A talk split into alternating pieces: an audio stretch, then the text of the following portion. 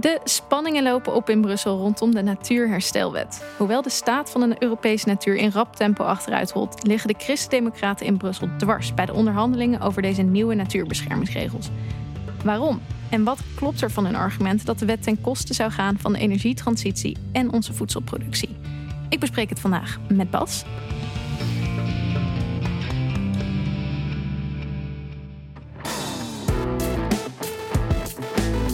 Welkom bij Bellen met Bas, de podcast over Europese politiek waarin we bijpraten met GroenLinks-Europarlementariër Bas Eickhout. Mijn naam is Mijke Vedder.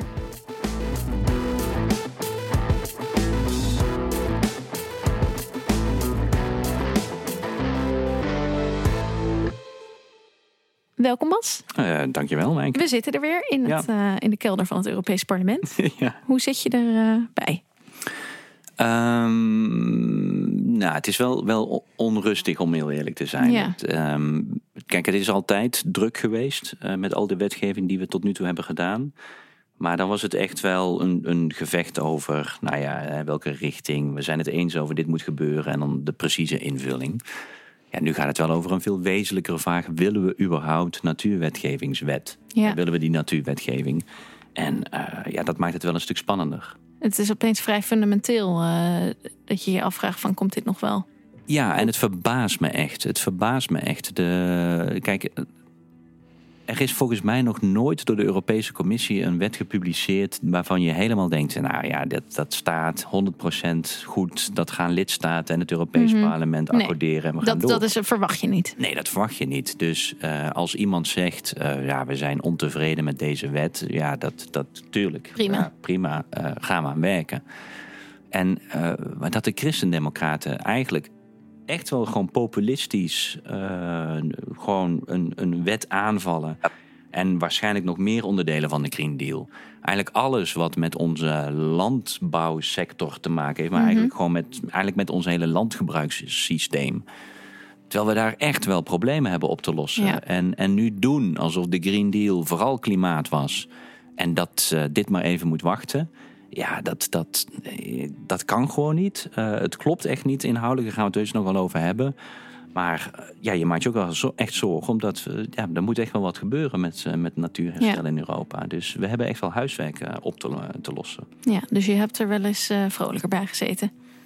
Ja, nou ja, het maakt me ook wel weer strijdbaar hoor. Ik bedoel, op, zich, op zich heb je, Je vaak genoeg. Nee, we hebben vaak genoeg natuurlijk. Ik bedoel, bij klimaat hebben we ook uh, tegen de klip op moeten, Ja. uh, moeten vechten. En op een gegeven moment ging iedereen, ja, we moeten iets met klimaat. Ja, bij natuur is dat nog niet geland. Nee, dat moet nog komen. Ja. Ja, eerst even iets over die achtergrond van die eh, wet waar we het over gaan hebben. We maakten vorig jaar al een aflevering over het belang van biodiversiteit. Want toen werd de Europese biodiversiteitsstrategie aangekondigd. Toen werd er al gezegd dat er ook een wet met zogenaamde hersteldoelen zou komen. Die wet ligt er nu dus. Ja. Wat is natuurherstel precies? Wat verstaan we daaronder? Nou ja, eigenlijk moet je gewoon concluderen dat uh, in Europa de kwaliteit van onze natuur uh, gewoon niet goed is. Uh, die, die gaat eigenlijk, loopt achteruit. dan kun je natuurlijk denken, hè, wat, wat bedoelen we daar dan mee? Dat is ook gewoon. Hè, biodiversiteit zegt het al. Het moet, de natuur moet divers zijn. Het zijn ecosystemen met elkaar verbonden. En daar zit eigenlijk een hele keten van, van, nou ja, van, van, van flora en fauna die elkaar in evenwicht houden. En eigenlijk hebben wij dat evenwicht in al die ecosystemen in Europa al uh, fors verstoord. Door allerlei factoren. Hè? Dus, dus natuurlijk ook, dat, men denkt altijd heel snel. Oh, dat is dan landbouw. Ja, die heeft daar natuurlijk een bijdrage op. Maar mm -hmm. het is ook stedenbouw, uh, wegen aanleggen. Dat doorsnijdt natuurgebieden, verbindingen worden doorbroken. Eigenlijk dat hele natuurlijke evenwicht hebben wij in Europa door al onze economische activiteiten verbroken. En je ziet gewoon dat de kwaliteit van natuur langzaam maar zeker achteruit loopt. En dat is toch het, het, het gevaarlijke. Dat hebben we natuurlijk ook bij klimaat gezien. He, wij, wij, waarschuwden al heel snel, er is een probleem met te veel uitstoot van broeikasgassen. Nou, dan wordt dan nog heel lange discussie over gevoerd. Op een gegeven moment wordt de wetenschap steeds helderder. Dan is de politiek nog steeds in ontkenning. Ja. En dan gaan we een keer bewegen. Ja, bij biodiversiteit zien we eigenlijk hetzelfde. Een lange druk op een systeem. Eigenlijk zijn we zijn we telkens een, een, uit een bouwwerk zijn we heel tijd uh, ja, zijn we aan het ondermijnen. En op een gegeven moment kan zo'n heel ecosysteem in elkaar donderen. Wanneer dat precies gebeurt, weten we niet. Maar we zien wel dat alle tekenen die kant op gaan.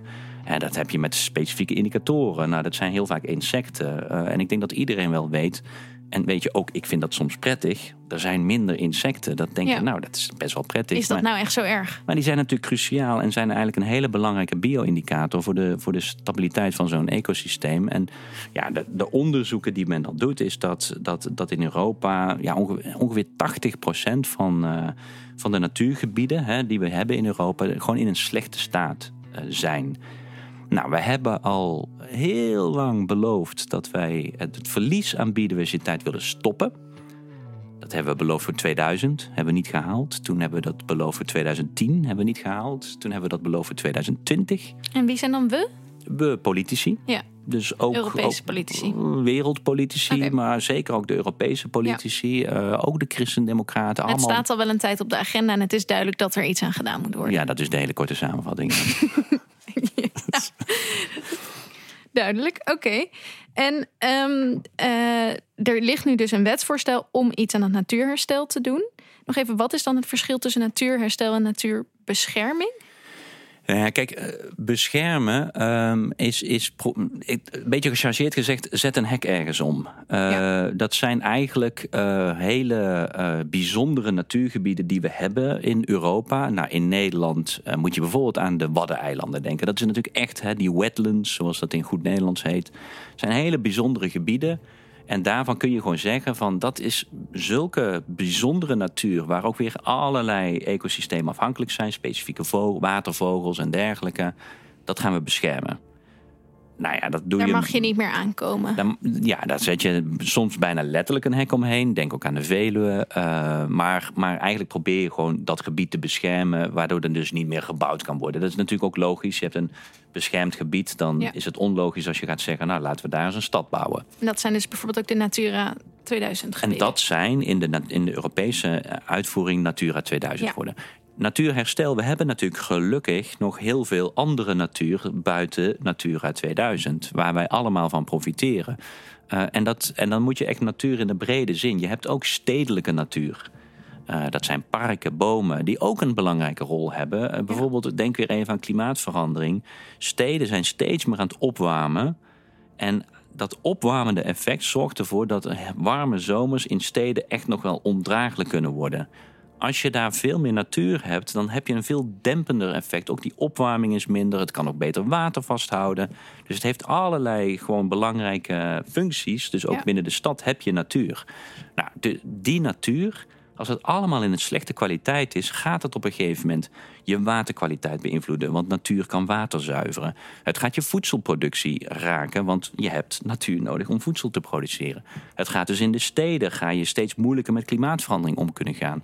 Al die ecosystemen hebben hun functies. En wat je nu zegt met die natuurherstelwet is dat eigenlijk wij in Europa echt werk van moeten maken om alle natuur gewoon beter te maken, robuuster. Ja. Dat is eigenlijk het kernwoord. We hebben robuustere natuur nodig. En eh, hoe ziet dat eruit? Hoe wil de commissie dat gaan doen? Wat Nee. staat er in dat voorstel? Nou ja, dat, dat, eigenlijk kun je nog zeggen dat dat voorstel best wel bescheiden was. Eh, ehm, omdat men heel veel vrijheid bij de landen heeft neergelegd. Dus ja, er worden een aantal Europese doelen afgesproken. eh, waaronder dus dat je 20% van je grond- en watergebied van elk eh, EU-land, daar moet je herstel laten plaatsvinden. Eh, en dat moet je dan bij verschillende ecosystemen laten zien. Maar de landen hebben best wel een grote vrijheidsgraad hoe ze dat gaan doen. Dus je moet wel die doelen halen, maar je moet een implementatieplan eigenlijk eh, inleveren. Ja, het wordt niet opgelegd hoe je dat moet gaan doen, maar landen moeten zelf. Eh, Ja. ja. het wordt opgelegd dat je een plan moet maken, maar hoe dat plan eruit ziet. Er zit een bepaalde vrijheid. Natuurlijk gaat de commissie wel controleren. Eh, heeft het zin wat je hier doet? Eh, worden een beetje ook de goede gebieden zeg maar aangepakt? Nou ja, dat, dat is waar de commissie op gaat beoordelen. Maar er is best wel een grote vrijheidsgraad voor landen van hoe ga je dat invullen, absoluut. Ja. Oké, en daarnaast is er ook een, een verslechteringsverbod. Wat, eh, Ja. daar, daar heb ik ook veel over gehoord. Wat, wat, wat is dat? Ja, dat, dat heeft nu vooral in, in het Nederlandse discussie heel veel aandacht Ja. gekregen. Kijk, op zich eh, is het best wel een kern natuurlijk van het voorstel. Namelijk als jij zegt wij willen natuur gaan herstellen. dan uh, lijkt het nogal logisch dat je dan zegt van nou, dan mag de natuur in ieder geval niet verslechteren. Nee. Het moet juist beter worden. Ja, ik bedoel, we gaan het over herstel. Dus, dus als je dan niet ergens opschrijft. Nou, land zorgt er in ieder geval voor dat natuur niet verslechtert. Ja. Kunnen we daarna met jullie plannen gaan kijken hoe het kan verbeteren. Ja. Um, dus er zit een verslechteringsverbod in. En dat, nou ja, bijna, bijna traumatische ervaringen hoe Nederland daarnaar kijkt. En, en aanvankelijk dacht ik van, kijk, ze hebben nog wel een punt. Wat namelijk niet bedoeld wordt is dat dat betekent dat je op geen enkel moment in de tijd natuur mag verslechteren. Want als je dat letterlijk neemt, dan zou je, nou ja, zodra je de spade in de grond doet, dan verslechter je natuurlijk al natuur. Dus, Bij heel veel activiteiten die we als mens doen, hebben een impact op de natuur. Dus dan. Laten we eerlijk wezen, elke activiteit die wij doen verslechtert de natuur. Dus als je hem heel strikt zou lezen, zou je zeggen: we mogen niet meer bewegen, we mogen niet meer ademen. Ja. Ja, dat is natuurlijk niet wat de wet bedoelt. Wat de wet bedoelt is dat je als je economische activiteiten doet, zorgt er dan in ieder geval voor dat je kan aantonen dat je daarmee niet noodzakelijke verslechtering doet. In het voorstel zit er dus ook al wel, je mag natuurlijk wel verslechteren, maar dan moet het wel voor een algemeen nut hebben, een algemeen belang dienen. Uh, en als het verslechtert, moet je het ergens compenseren. Dus dat is een beetje het idee daarachter. Nederland is het echter heel erg gaan lezen als een rechter die het heel strikt implementeert, zoals we dat bij Natura 2000. Ja. Bij Natura 2000 hebben we beloofd een natuurgebied te beschermen. Daar zijn we best wel slecht in geslaagd, met name door de drukfactoren op natuur, stikstof. Ja. En daar hebben we tientallen jaren niks aan gedaan. En dus op een gegeven moment heeft de rechter gewoon gezegd van ja, er is geen ruimte meer, dus we gaan het gewoon heel strikt implementeren. Nou, dat is het bouwverbod dat we nu hebben deze wet is helemaal niet bedoeld om, om dezelfde status aan alle natuur te geven voor Natura 2000. Dat is continu dat Nederland een beetje dat roept van ja, als dit allemaal Natura 2000 status krijgt of vergelijkbare status, kunnen we niks meer. Nee. Ja, dat is ook helemaal niet. Dat iedere boom inderdaad beschermd zou worden als een. Ja, dat, dat, dat zit echt niet in deze wet. Uh, maar goed, als je de teksten leest als een rechter die het heel strikt gaat implementeren, nou, denk ik dat je, dat je echt wel de teksten wat kan versoepelen. Uh, om duidelijk te maken aan Nederland van nee, dat verslechteringsverbod is echt anders bedoeld dan zoals we nu bij Natura 2000 het implementeren en interpreteren. En, en eigenlijk in de onderhandelingen, zowel bij het parlement als ook bij de lidstaten, liggen er nu allerlei tekstvoorstellen voor die dat dus ook echt, aan, echt fors hebben afgezwakt, duidelijker hebben gemaakt, zou je kunnen zeggen. Uh, om, om, het, om het maar even. Want dat ja, is expliciet erop hebben geschreven dat het dus niet betekent dat. Om het heel simpel nul impact mag hebben. Ja, eigenlijk zou je zelfs kunnen zeggen dat in het standpunt van zowel de lidstaten als het Europese parlement is het nu een inspanningsverplichting geworden in plaats van een resultaatverplichting. Die moet je even uitleggen. Eh, ja, dat dacht ik al, ja. De, het verslechteringsverbod is in principe dus de natuur mag niet verslechteren. Ja. Nou, als je dat dus heel strikt leest als een resultaat, je mag het gewoon nooit verslechteren, dan kun, zou je wel eens vastkomen te zitten. En nu liggen de teksten zoals die voor liggen, zeggen van nee, je moet je daarvoor inspannen. Ja.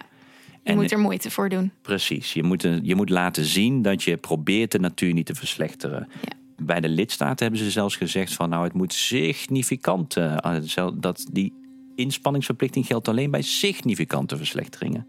Dus je mag zelfs nog, zelfs qua inspanning mag je verslechteren. Ja. Allemaal verzwakkingen van het voorstel om maar de zorgen van Nederland weg te nemen. Maar Nederland is nog steeds niet tevreden. Ja, ik, ik hoor ook heel veel onderhandelaren die een beetje wanhopig worden en zeggen: ja, de, Nederland is gewoon niet rationeel meer. Het is gewoon niet rationeel. En ja, ik denk dat dat helaas uh, klopt. Met de, de, de BBB-angst ja. uh, overheerst in Den Haag. Ja, want ik wil je een aantal uh, ja, argumenten eigenlijk die dan dus door Nederland worden genoemd, maar die ook bij de onderhandelingen hier in het Europees Parlement worden genoemd, voorleggen. Mm -hmm. uh, want heel veel politici die zeggen van ja, het is inderdaad belangrijk, um, maar dit is niet de manier waarop we aan natuurherstel moeten werken. In Nederland wordt gevreesd dat de wet dus zoveel verplichtingen op zal leggen dat het land op slot gaat en dat er een tweede stikstofcrisis hiermee in de maak is. Er is zelfs al een motie aangenomen in de Tweede Kamer. Uh, die was ingediend door Caroline van der Plas. En daarin, ja, daar was een meerderheid voor. Daarin wordt het kabinet opgeroepen om zich tegen de wet te verzetten. Nou, een aantal argumenten waar ja, die tegenstanders van de wet dan mee komen is... Die eerste is: het land gaat op slot. Cruciale projecten zoals woningbouw of de aanleg van windmolenparken zullen komen stil te staan. Dus dat juist de energietransitie onder druk komt te staan. Ja. Uh, uh, door deze wet. En uh, dat wordt ondersteund door een onlangs gepubliceerde impactanalyse van ingenieursbureau Arcadis. Daarin werd gezegd ja, dat het, dat het aantal juridische procedures aanzienlijk kan toenemen. En dat, dat de wet eh, grote impact heeft op de landbouw, bouw en energietransitie. Mm Ja, nou ja, allereerst dat een natuurherstelwet impact gaat hebben, uh, mag je hopen. Dat is ook de bedoeling. Ja, anders hoeven we geen wet te maken. Dus, dus dat is ook soms een beetje een, een absurdistische discussie waar je in terecht komt van ja, nou, daar gaan we heel veel van merken. Ja, we maken een wet, weet je. Anders, anders hadden we ons een hele hoop kunnen besparen wel interessant hoe sommige mensen blijkbaar naar een wet kijken. Um, dat het Nederland raakt, is natuurlijk ook logisch. Wij. Uh, het was Remkes die volgens mij best wel wat rapporten heeft geschreven. waarin wordt gezegd: we zullen keuzes moeten maken. En eigenlijk zitten we precies bij deze discussie. Er was ook een interview met Van der Wal in Financieel Dagblad. Ja. Uh, waarin ze zei: ja, we zijn maar dicht bevolkt. Dus het is gewoon allemaal heel moeilijk. Ja, dat, dat voor eh, sommige landen niet dezelfde verplichtingen zouden moeten gelden in Europa, omdat die het nou eenmaal moeilijker hebben. Dus Nederland heeft het moeilijker, want we zitten hier met z'n allen op een kluitje. Ja, maar ook wij hebben natuur, ook wij hebben stedelijke natuur. En uh, wij worden dus ook gevraagd om daar wat aan te doen.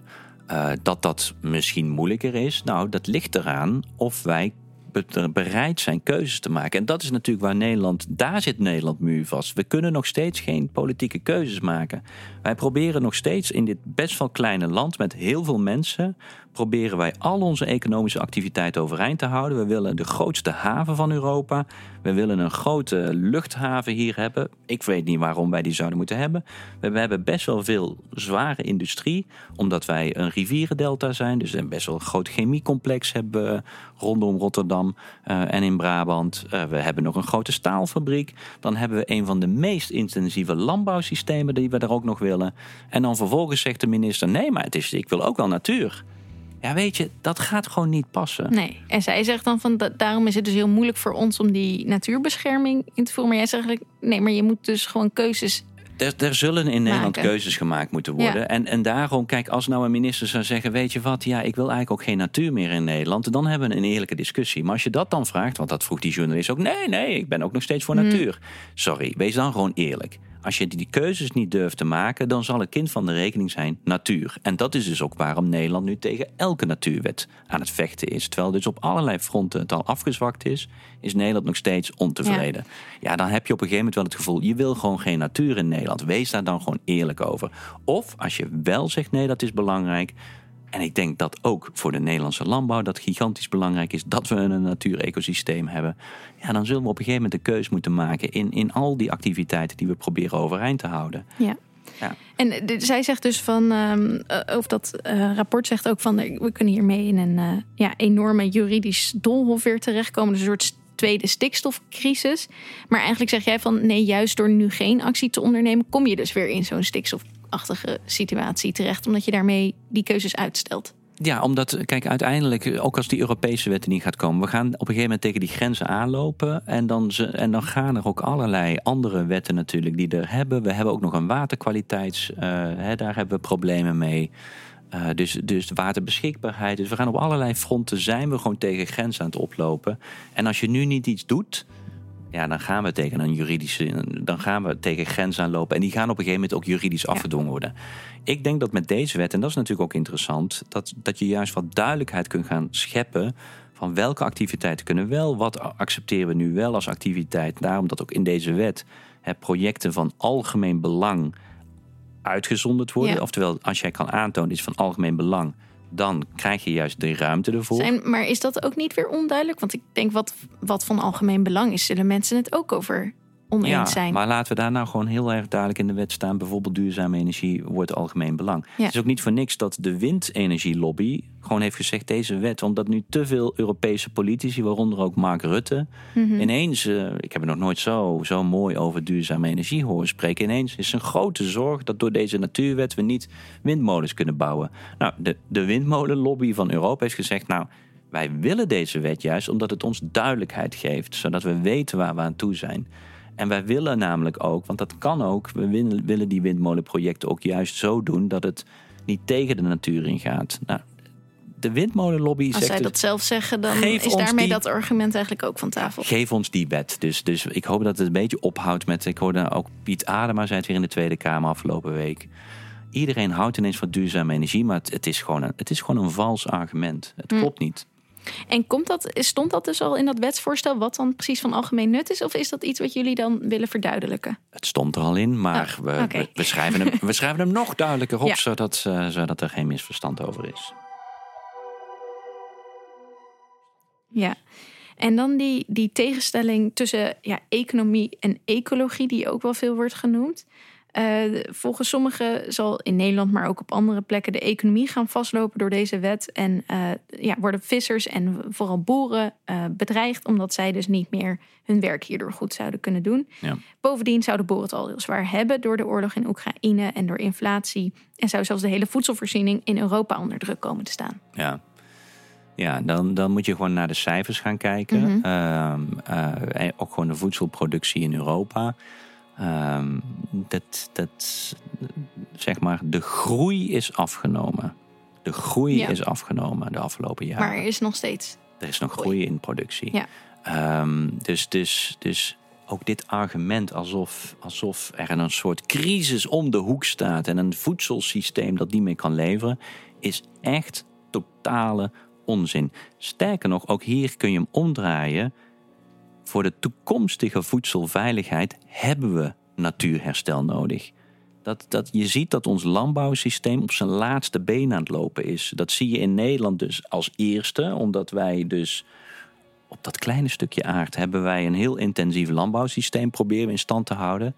Dit is ook waarom wij tegen die stikstofgrenzen aanlopen. Maar de volgende is waterkwaliteit. Eh, nogmaals, als klimaatverandering echt gaat toeslaan, dan, dan, dan, dan, heb, je vari- hè, dan heb je gewoon Mhm. heb je, heb, je, heb je veerkracht nodig om dat op te vangen. Dat is er allemaal niet. Dus, Nee. dus we hebben juist natuurherstel nodig om voedselveiligheid in Europa overeind te houden. Ja. Dus daarmee is dat argument ook van tafel. Het is echt, ja, nou goed. Tenzij je gewoon korte termijn. Als je echt wil denken, ik wil niet nadenken over de lange termijn en ik wil het alleen maar over de korte termijn hebben. Nou, dan, dan weet je wat? Nee, ja, elke ingreep, tuurlijk. Deze natuurherstelwet zal natuurlijk ook impact hebben Ja. op hoe wij, hoe wij boeren in Ja, Nederland. er Tuurlijk. moeten echt dingen gaan veranderen. Ja, maar je kop in het zand steken en zeggen: Nou, we hebben, eh, laat maar gewoon lekker doorlopen nu. Dan gaan we grote problemen straks krijgen. Ja. En volgens mij is het de taak van een politicus om wetten te maken die ons toekomstige problemen voorkomen. En dat de boer veel op zijn bordje krijgt, dat klopt. Dat is absoluut waar. Maar dat komt vooral omdat politici telkens voorliegen dat ze niet hoeven te veranderen. Daar zit het probleem. En Ja. daar hebben we heel veel jaren fouten gemaakt. En nu zie je eigenlijk de christendemocraten weer wederom diezelfde good old fout maken. Doen alsof het niet nodig is. En straks gaat die Ja. prijs keihard terugslaan. Ja, want we zien nu in het Europees Parlement, waar nu dus in verschillende commissies hierover onderhandeld wordt, dat al in de, de Landbouw- en de Visserijcommissie is er al tegen het wetsvoorstel gestemd. Ja. Eh, de, de Milieucommissie, daar moet nog gestemd worden. Ja. Hoe liggen de verhoudingen? Je noemde al de Christendemocraten. Eh, hoe schat je de kansen in? En Nou ja, het is dus heel erg politiek geworden. Dat, dat, dat is eigenlijk gewoon het jammer. De, Ja. christen, de christendemocraten hebben er een, eh, ja, gewoon een campagne van gemaakt. Eh, de verkiezingen zijn vroeg begonnen. Eh, overigens is dus ook de conclusie dat de verkiezingen er wel toe doen wie er in dat Europees parlement zitten. Dus het helpt wel om duidelijk te maken. Als dat de bedoeling was van de om christendemocraten. politiseren, dan Nou ja. ja, dan, dan zie je wel dat, dat het echt uitmaakt wat Ja. voor meerderheden. En, en de Europeanen hebben nog steeds gekozen om de Christendemocraten het grootst te maken. Dus het is de grootste fractie. Dat dus niet meer doen mensen. Ehm, ehm, dus dus eh, zij hebben ervoor gekozen om er gewoon een politieke campagne van te maken. En ze zijn dus ook weggelopen van de, ta- van de onderhandelingstafel. Nou ja, dat ben je gewend van eh, alternatief eh voor Duitsland, hè, dat, dat soort partijen. Maar de Christendemocraten zijn gewoon weggelopen. Waarbij het telkens, men zegt wel van ja, er werd niet naar ons geluisterd. Nou ja, bij die onderhandelingen was ook echt van, maar wat, wat willen jullie dan? Als je kritieken hebt, prima, maar kom met voorstellen om het te verbeteren. Ja, er liggen wat amendementen, maar in onderhandelingen moet je dan, oké, waar gaan we het over hebben? Ze hebben gewoon niet meegedaan. Vanaf het begin hebben ze niet meegedaan. Dus ze hebben gewoon niks, het is allemaal verschrikkelijk, Maar ze doen geen voorstellen hoe te Ja. verbeteren.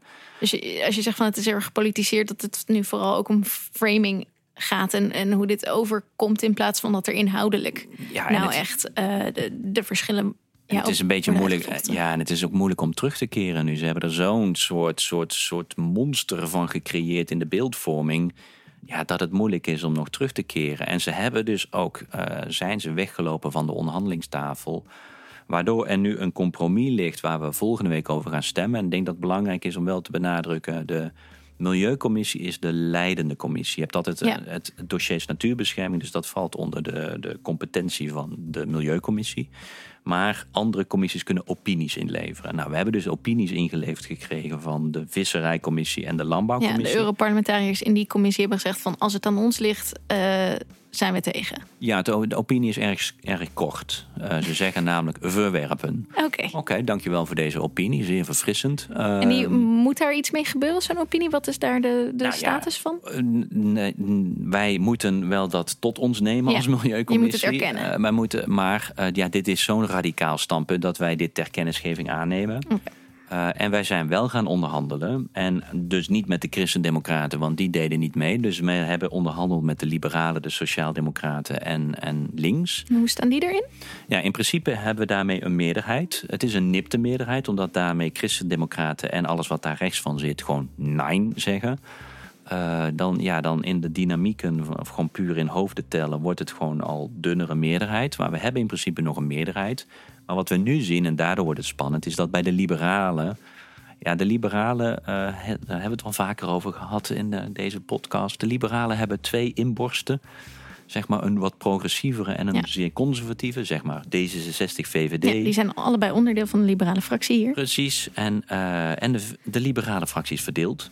Hm. En het is nu koppen tellen. Het is nu echt koppen tellen of, eh, of we het gaan halen in de stemming. Eh, ja, dus maar- er wordt denk ik nu nog druk. eh, echt individuele Europarlementariërs worden belobbyd om ze toch te overtuigen om voor of tegen te stemmen. Ja, daar wordt nu volop gedaan, natuurlijk. Dat is ook logisch. We hebben nu we hebben 88 leden in de Milieucommissie zitten. En als we nu de koppen tellen, zitten we op 44, 44. Jeetje. Ja, dat is dus net niet genoeg. Nee, Eh, nu snap ik dat je er niet helemaal rustig Nee, zit. nee dus, dus de- daar, eh, ja, we hoeven. Maar dat betekent ook als één iemand zit te slapen bij de stemming, kan het al anders verlopen. Dus deze stemming wordt super spannend. Ja, Er zijn, ook, er zijn ook wel van misschien moeten we het uitstellen. Ik denk dat uitstel niet heel veel gaat helpen, maar dat kan ook nog om gebeuren. nog tot grotere meerderheden te ja, kunnen komen. maar ik denk, ik, Hm. denk, ja, ik denk dat het gewoon niet gebeurt. Dus, dus voor nu staat het gewoon nog steeds donderdagochtend 15 juli. eh, gaan wij stemmen in de 15 milieu... juni, toch? Ju- sorry, juni, ja. eh, gaan, we, gaan we. Oh ja, het is pas juni. gaan we in de Milieucommissie stemmen. Ja. Ehm, wat wij daarin aannemen, moet dan nog naar de plenaire. Maar dat kan dus ook een hele korte stemming zijn. Want de eerste stemming is het verwerpingsamendement. Hmm. Dat daar dus ligt. Ja, als dat de meerderheid haalt, Ja, zijn we klaar met de stemming. ja. En is de natuurherstelwet wel dood.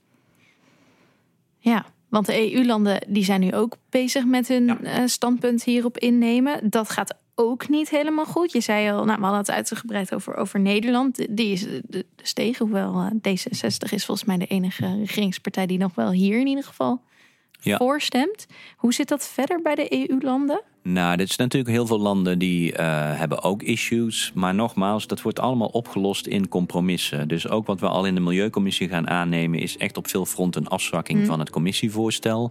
Dat zien we ook in de Raad gebeuren. Eh, België was natuurlijk ook heel vocaal... eh, dat deze wet onmogelijk was. We hebben Alexander de Croo, de premier van België, zelfs horen zeggen... dat, dat, dat, dat deze wet van tafel moet. Ja, hij noemde het een lasagne aan regels. Dat we maar moesten even stoppen met al die natuurplannen. Want het stapelt zich nu wat te veel op. We moeten de boeren even wat rust gunnen. Ja, ja, we hebben dus Natura 2000 en nu gaan we dus de, de natuur buiten Natura 2000 regelen. Ja. Dus ik ja, weet niet, ik weet niet hoe hij zijn lasagne eet, maar Heel simpel. ja, dat, Twee hij, dagen. hij wil blokjes. Eh, maar wat we nu horen is dat zelfs misschien België nog aan boord komt. Oké, Dus dus dat is toch hoopvol. ja, ja, ja. Ik denk dat eh, de kans dat de raad tot een standpunt komt eigenlijk best wel groot is. Dus eigenlijk positiever dan hier in het parlement. Ja, hun compromissen zijn nog wel wat zwakker. Oké. Dus, dus, eh, dus, dus ja, het komt door de raad, maar ja, de wet wordt wel wat verder Het uitgekleed. verdient geen schoonheidsprijs wat er dan overblijft. Nee, dus, dus de, maar het de parlement lijkt spannender te worden dan de raad. Maar alhoewel, kijk, als het parlement het gaat killen, dan kan natuurlijk ook het Zweeds voorzitterschap denken: ja, dan ga ik het niet meer in stemming brengen, want het is toch al dood in het Ja. parlement. Want wat gebeurt er dan als het hier verworpen wordt? Ja, dan is er geen standpunt, is er Nee. gewoon geen wet. Ja. En dan moet de commissie met een nieuw voorstel komen? Of, eh, Nou ja, de commissie kan natuurlijk denken van we wachten op een nieuw parlement. Gaan we misschien nog een keer proberen. echt na de volgende Eh, verkiezingen pas? Ja, dit is tot de verkiezingen gaat dit dan niet meer gebeuren. Nee. Dat hebben we ook al gehoord van Van der Leyen. Die, eh, nee, die gaat, niet, die gaat deze wet niet opnieuw tot leven Oké. Nee. Dus dan is het gewoon dood tot de verkiezingen. En dan Ja. afhankelijk van de verkiezingen, stem dus geen christendemocraten, dan, eh, dan komt er misschien weer een kans na de verkiezingen. Maar Ja. wij proberen hem dus nu nog wel eroverheen Ja. te houden. Nog even over die, die verkiezingen van volgend jaar. Denk je dat het succes van de BBB in Nederland... dat dat mogelijk ook die partijen hier, de Christen-Democraten, de, de EPP... heeft geïnspireerd om hier nou zo'n groot thema van te maken? Van we moeten opkomen voor die boeren, dat, dat werkt goed bij een bepaalde achterban? Nou, ik denk dat het heeft zeker een rol gespeeld. Maar er was al wat lange onvrede bij de Christendemocraten. Eh die hebben natuurlijk dat hele klimaatpakket, dat Fit for 55, hè, waar we het ook al eerder over hebben gehad. Die hebben, die hebben de Christendemocraten meegeholpen om er doorheen te tillen. eh, behalve de CO2-uitstoot voor auto's. ja, Want hadden we het ook al eerder over. autootjes zijn heilig, met name bij de Duitse Christendemocraten. Uh, maar op veel fronten hebben de Christendemocraten wel degelijk gewoon meegeholpen uh, aan, aan, om die Fit for 55 aan te nemen. Maar dat was altijd al een discussie binnen de Christendemocraten. Je hebt gewoon daar ook verschillende vleugels. En uh, er was al een wat conservatieve gedeelte, met name uit Oost-Europa, die, die eigenlijk al vond dat, we, dat zij al veel eerder in, in oppositiestand hadden moeten gaan. Dat hebben ze verloren. Uh, intern, dus Christendemocraten hm. hebben meegedaan, zijn wetten aangenomen. Maar nu bij die natuurherstelwet zie je dat eigenlijk ook juist degenen die geholpen hebben om het er doorheen te krijgen, waaronder Nederlands, hè, dus het CDA, maar ook wel de Duitsers, uh, dat die nu juist zoiets hebben van. Ja, bij natuurherstelwet weten we het niet helemaal. Nou, dan is daar overheen gekomen de Nederlandse verkiezingen. Je ziet toch dat de Christendemocraten al ook al een tijdje aan het zoeken zijn van moeten we misschien ja. juist niet meer met rechts gaan samenwerken en wat ze nu in Italië doen en in Zweden. Profiel. Dus een tijd voor een nieuw profiel en niet meer mee juist met de progressieve helft van het parlement, maar juist met de nog rechtsere ja. helft. Dat nou, levert ze er meer op, denken ze. Ah, het is een richtingenstrijd. Ja. Ik, denk, ik denk oprecht dat het ze niet veel gaat opbrengen. Ja, ze kunnen wel wat wetten nu gaan blokkeren, maar uiteindelijk willen mensen ook weten van maar wat wil je wel? En laten we wel wezen, met extreme rechts in het Europees parlement is er geen andere agenda te voeren. Dat is gewoon een agenda van niet. Ja, als dat de toekomst is van de christendemocraten, zullen we gaan zien, en dat zien we ook in peilingen, zien wij dat extreemrechts groter wordt. En, en die eten de christendemocraten. Mm. Ga naar Italië kijken. Daar heb je dus een coalitie van christendemocraten en extreemrechts. Ja. Meloni eet op dit moment Berlusconi op. Nou ja, weet je, misschien vinden we dat niet zo erg omdat het toch maar Berlusconi is. Maar dat is het rolmodel ja. waar nu een aantal christendemocraten lijken voor te kiezen. Ja, ja, niet alleen slecht voor de natuur, maar het is ook nog eens als... Politiek dom. Ja, ja. Als, dat, als dat de reden is inderdaad dat het zijn stemmen op zijn leveren, is dat ook zeker maar de vraag. Ik, ik snap de strategie niet. Het is nee. een, uh, het is een zelf, uh, self-defeating uh, strategie volgens mij. Plus komt nog bij dat grote kans dat de volgende spitsenkandidaat van de Christen-Democraten Van der Leyen wordt. Die gaat campaignen op de Green Deal. Oh, de Green Deal die jij je eigen fractie wil killen. Ja, want hoe staat zij er? Want het is nu Timmermans die uh, hier vooral uh, uh, nou ja, een grote rol in speelt... en nog probeert de EU-landen en het parlement de goede kant op te duwen. Ja, dat is ook wel weer grappig. Hè? Toen het over Fit for 55 was, hadden de Christen-Democraten het heel tijd over de Green Deal van Van der Leyen... Nu hebben ze het de hele tijd over de Green Deal van ja. Timmermans. Dus dat is ook uh, interessant. Ja, is voor haar toch ook een ingewikkelde positie misschien. Ja, maar wat je ook wel ziet is dat, dat Van der Leyen zelf op dit onderwerp wat minder zeker is. Dus ze heeft echt wel ook bij die Fit for 55 heeft ze echt ook haar kabinet heeft volop aan meegedraaid. Je ziet dat ook Van der Leyen iets stiller is. En dan, dan is het aan Timmermans meer. Dus, dus waar bij Fit for 55 het nog echt wel een tandem was van Van der Leyen en Timmermans is, het, is, het, ja, is, is Van der Leyen even afgestapt, zeg maar. Ja, die houdt zich een beetje op de achtergrond. Houdt zich op de achtergrond, dus komt meer Timmermans in de spotlight. En dat is ook wat de christendemocraten fijn vinden, want dan kunnen ze een sociaaldemocraat ja, bekritiseren. maken. Ja. Maar laten we wel wezen, straks gaat Van der Leyen met de Green Deal de boer op. Ja. Ja, weet je, ja, kijk, als groene vinden we het natuurlijk op zich niet erg dat de Green Deal meer een thema in de verkiezingen wordt. Alleen, nou ja, het is wel ten koste van de natuur. En Ja. dat is natuurlijk niet wat je wil. Maar Nee. dit laat wel zien dat er echt wel een richtingenstrijd gaande is. Waar willen we naartoe met Europa? En daar gaan die verkiezingen echt wel een belangrijke rol in spelen Ja. volgend jaar. ja, nou, we hebben nu nog een jaar eh, om te kijken hoe dat er allemaal uit gaat zien. Ja, het wordt een lang jaar. Ja, nou de eerstvolgende stap is dus volgende week, 15 juni. Als het tenminste niet uitgesteld gaat worden, dan wordt er in de Milieucommissie gestemd. En dan op 10 juli is de plenaire stemming, nog voor de zomer. Als jij nu moet zeggen, hoe denk je dat het gaat lopen? Ik denk dat wij eh, hem nog wel door de Milieucommissie heen krijgen. Ehm, dus ik denk dat de 44, 44 nog wel 45, 43 kan worden. Ehm, ik denk dat daarna de Milieuraad tot een standpunt gaat komen. Dat is dus de week nadat wij hebben gestemd, gaan de lidstaten tot een standpunt De komen. milieuministers. zijn De milieuministers. En ik hoop dat dat de druk opvoert bij christendemocraten en liberalen. Dat ze niet nee kunnen blijven zeggen. En, en dat de druk genoeg is om in juli toch nog een meerderheid te hebben. Ja. Maar die plenaire stemming in juli, die gaat echt het meest spannende worden. Ja. En, en ja, voor nu, mm, er is nog wel wat druk van regeringen nodig op, eh, op individuele Europarlementariërs. Oké, nou we gaan in juli terugblikken om te kijken Ja, ik hoop, wat eh, eruit is gekomen. ik hoop dat het een positieve terugblik wordt. Ja, ik ook. Voor eh, nu heel erg bedankt. Graag gedaan. Tot de volgende keer.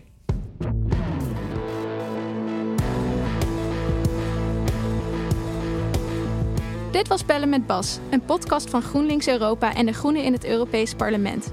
We horen graag van je. Laat je reactie achter op vriendvandeshow.nl slash bellen met Bas en meld je aan voor onze Europa-update op europa.groenlinks.nl. De audiovormgeving is door Studio Cloak. Tot een volgende keer.